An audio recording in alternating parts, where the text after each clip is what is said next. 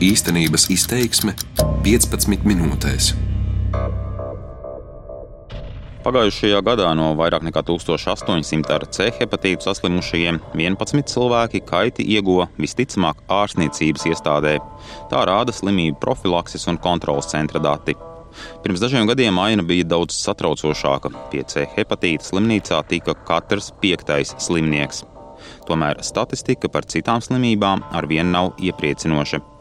Reanimācijas nodaļās ar svešām slimībām inficējas katrs trešais, bet kopumā ārstniecības iestādēs sasirgst viens no 20 pacientiem.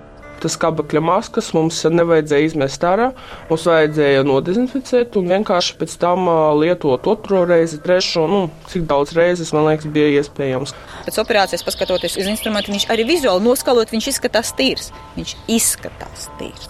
Tieši pierādījumi, protams, kad nav, jo ārsti un medicīnas personāls skaļi baidās runāt par to. Mans vārds ir Edgars Kupčs, un šo raidījumu gribēju iesākt ar pacienta stāstu.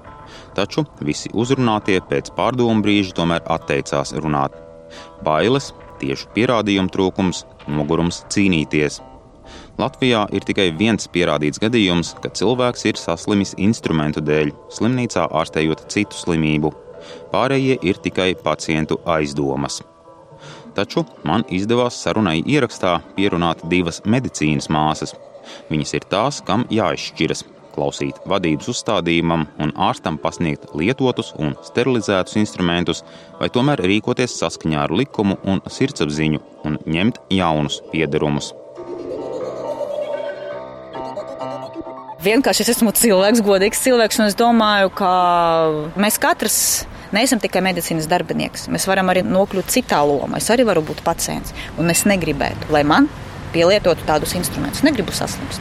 Jebkuram no mums var palikt slikti, un tu vari nenokļūt uz savu slimnīcu, kur, kā mēs runājam, vienmēr ir savi cilvēki. Ai, tie savi cilvēki nebūs. Un tu trāpīsi citā slimnīcā, tu izmantos tādu instrumentu, pēc diviem gadiem tu sapratīsi, ka tu esi slima un ko tu darīsi. Tad... Natālija ilgus gadus ir bijusi medicīnas māsa vienā no Rīgas slimnīcām, kas saimnieko valsts padotībā.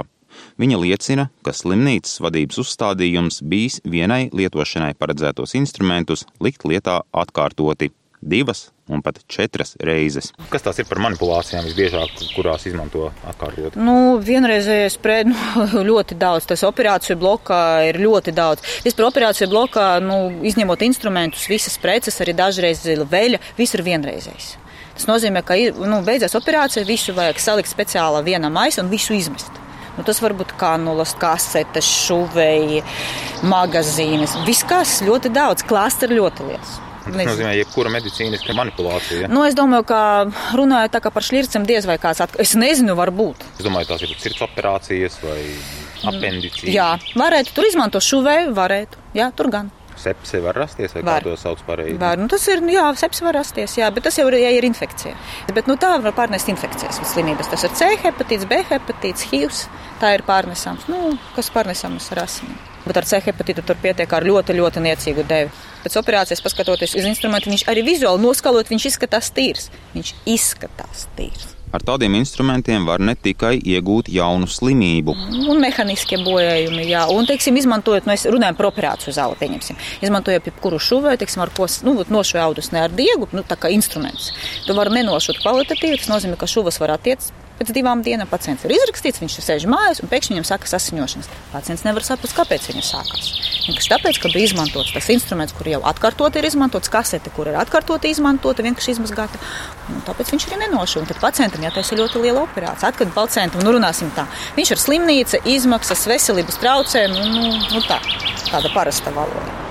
Es stāstu briesmīgas lietas. Kāda jums ir pieredze? Ir arī bijuši kaut kādi bojājumi tiem instrumentiem kādi? Protams, ir gan bojājumi, gan bija pieredze par to, ka izmantojot eh, vienreiz lietojamus instrumentus, kuri domāti ādas šūšanai, viņš vienkārši no, nenošuva tik kvalitatīvi, un tad bija jāsiņošana, bija jātaisa liela operācija. Taču pacients pat gadījumā, ja būtu pārliecināts par slimnīcas personāla vainu, visticamāk cīņu zaudētu jau pašā sākumā. Protams, ka pacientam var izstāstīt, ka apjoms var palielināties, vai, pieņemsim, taisot kaut kādu injekciju, jūs bijat slims, tāpēc jums arī radās tā infekcija, jums bija augsta temperatūra, jūs nepamanījāt vienkārši. Tāpēc jūs esat vainīgs, nevis mēs esam vainīgi. Medicīnas darbinieks vienalga pamatos, un priekšniecība vienmēr pamatos. Nu, tas ir mans vārds pret pacienta vārdu, bet es varu paņemt vēsturi un atpakaļiešu dēmu un vienkārši pierakstīt to. Kā bija ādas apsārtums, subfebrila temperatūra. Un lūdzu. Turklāt parasts ierindas pacients diez vai spētu atšķirt, vai instruments ir jauns vai jau reiz izmantots. Vienreiz lietojamam instrumentam viņš ir oriģināli iepakojumā. Parasti tas ir plasmasīgais iepakojums, un viņam ir oriģinālas uzlīmes no ražotāja. Ja viņš lietots atkārtoti, te ir speciāli tādi maisi vai speciālas kabatiņas, sterilizācijas kabatiņas. Tur ir pavisam citas uzlīmes. Kā to pacients var atšķirt? Pacients nevar atšķirt. Pacients vienalga nezinās. Ir instrumenti, kurus var lietot trīs reizes, tiem lieto vienkārši krustiņus, lai zinātu, cik, nu, cik viņš reiz bija lietos. Lai pēc 6, 5 reizes diez vai kāds lietos, tas tiešām ir ļoti bīstami. Virsmāsai bija tāds uzskats, ka jātaupa nodaļas naudu. Līdz ar to viņa lieka, jā, to darīt, kā tas kabakļa maskas mums nevajadzēja izmest ārā. Mums vajadzēja nodezinficēt un vienkārši pēc tam lietot otro reizi, trešo, nu, cik daudz reizes, man liekas, bija iespējams, kamēr tu to skabekļa masku neizmet. Tā ir vēl viena medicīnas māsa. Mana pieredze medicīnas jomā ir divi gadi. Viņa strādā slimnīcā ārpus Rīgas. Vairāk kārt pārdomā un atsaka interviju, bet beigās piekrīt ar nosacījumu, ka neatklāšu īsto vārdu un izmainīšu arī balsi. Pareizi rīcība būtu tāda, ka vienkārši to skābekļa masku jau nopaņemt. Viņa stāsta, ka vienai lietošanai paredzētās skābekļa maskas viņas slimnīcā izmantotas atkārtoti. Pašu uz sejas liekamo daļu gan notīrīt varot. Bet to vādu No, protams, mēs nevaram pilnībā nodezinficēt īpaši skābekļa vada vidū, jo tur sakrājas kondensāts no iepriekšējā pacienta un uh, gan teorētiski, gan praktiski mēs nekā nevaram viņu pilnībā nodezinficēt, kad mēs iedējam to citam pacientam, un viņš to pēc tam ielpo citas infekcijas, citas baktērijas, kas ir palikušas tur un kas ir mm, vairāk rezistentas pret visām tam dezinficējošiem līdzekļiem. Viņi vienkārši tur paliek Saslimšanas pēc tam jau esot ļoti smagas, jo baktērija grūti padodas ārstēšanai.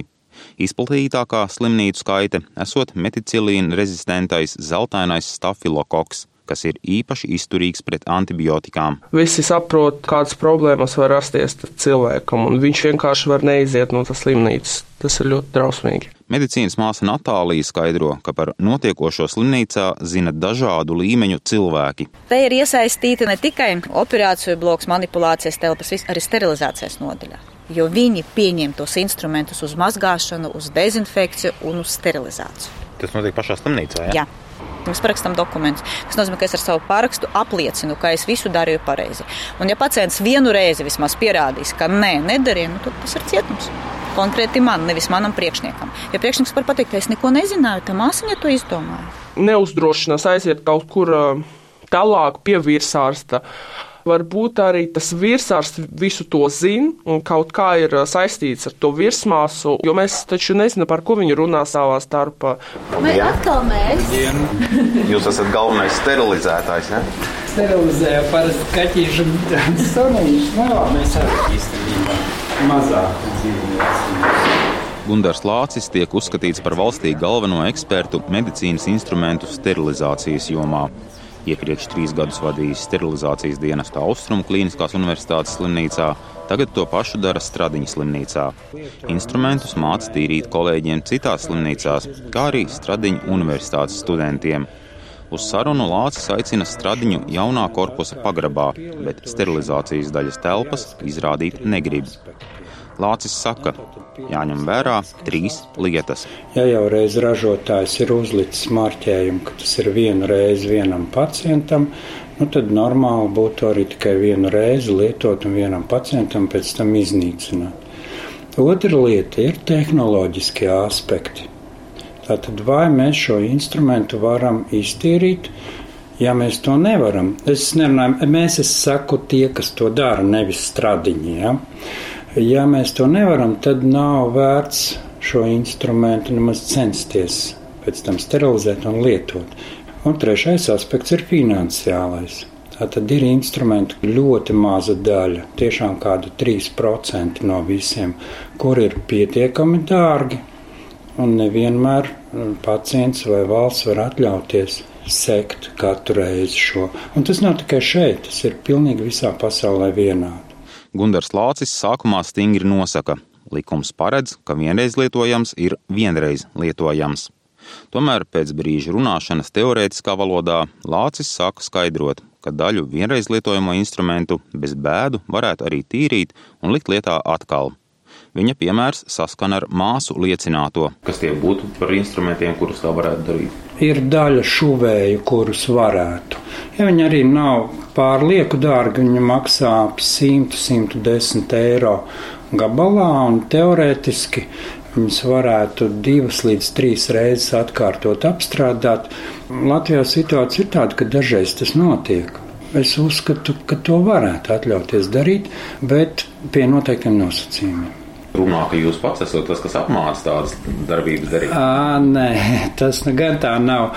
Es apmācu pareizi viņus tīrīt visus. Reāli ir jāizmanto tikai vienu reizi. Atkārtota lietošana tas ir pārkāpums. Tā saka Veselības inspekcijas ārstniecības iestāžu kontrolas nodaļas vadītāja Konstantija Reinfelde.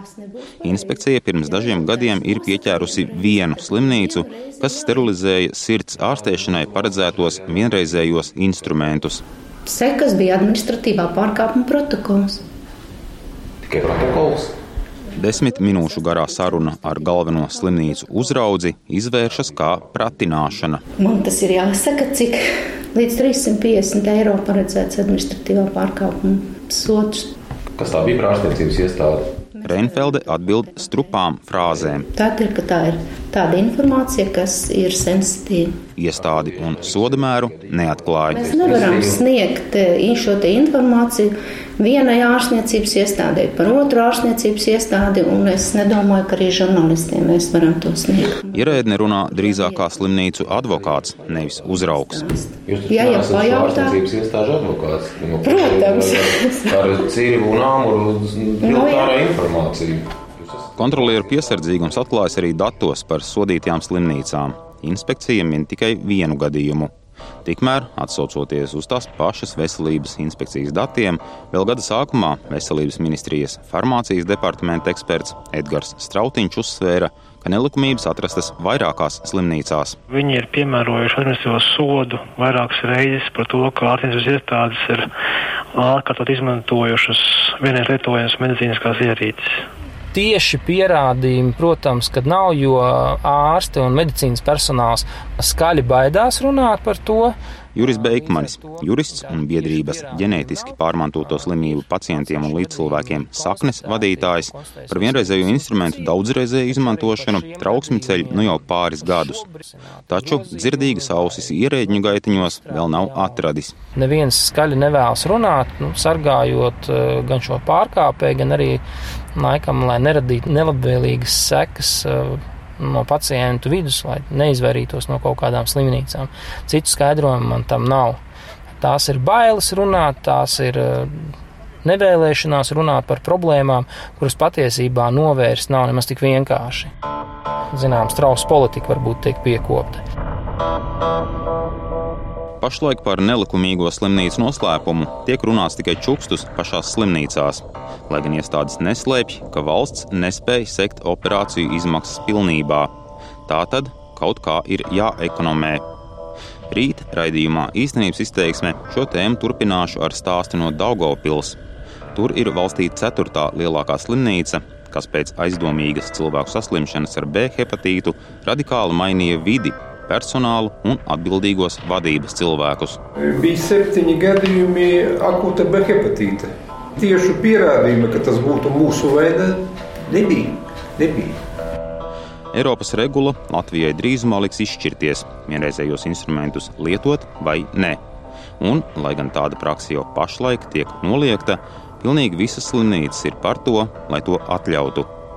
Vai tādajādi instrumentu skalošana vienkārši tiks legalizēta, Klausieties rīt! Šo raidījumu gatavoja Edgars Kupčs, skaņu operators Renārs Šteimanis un Justīne Savicka.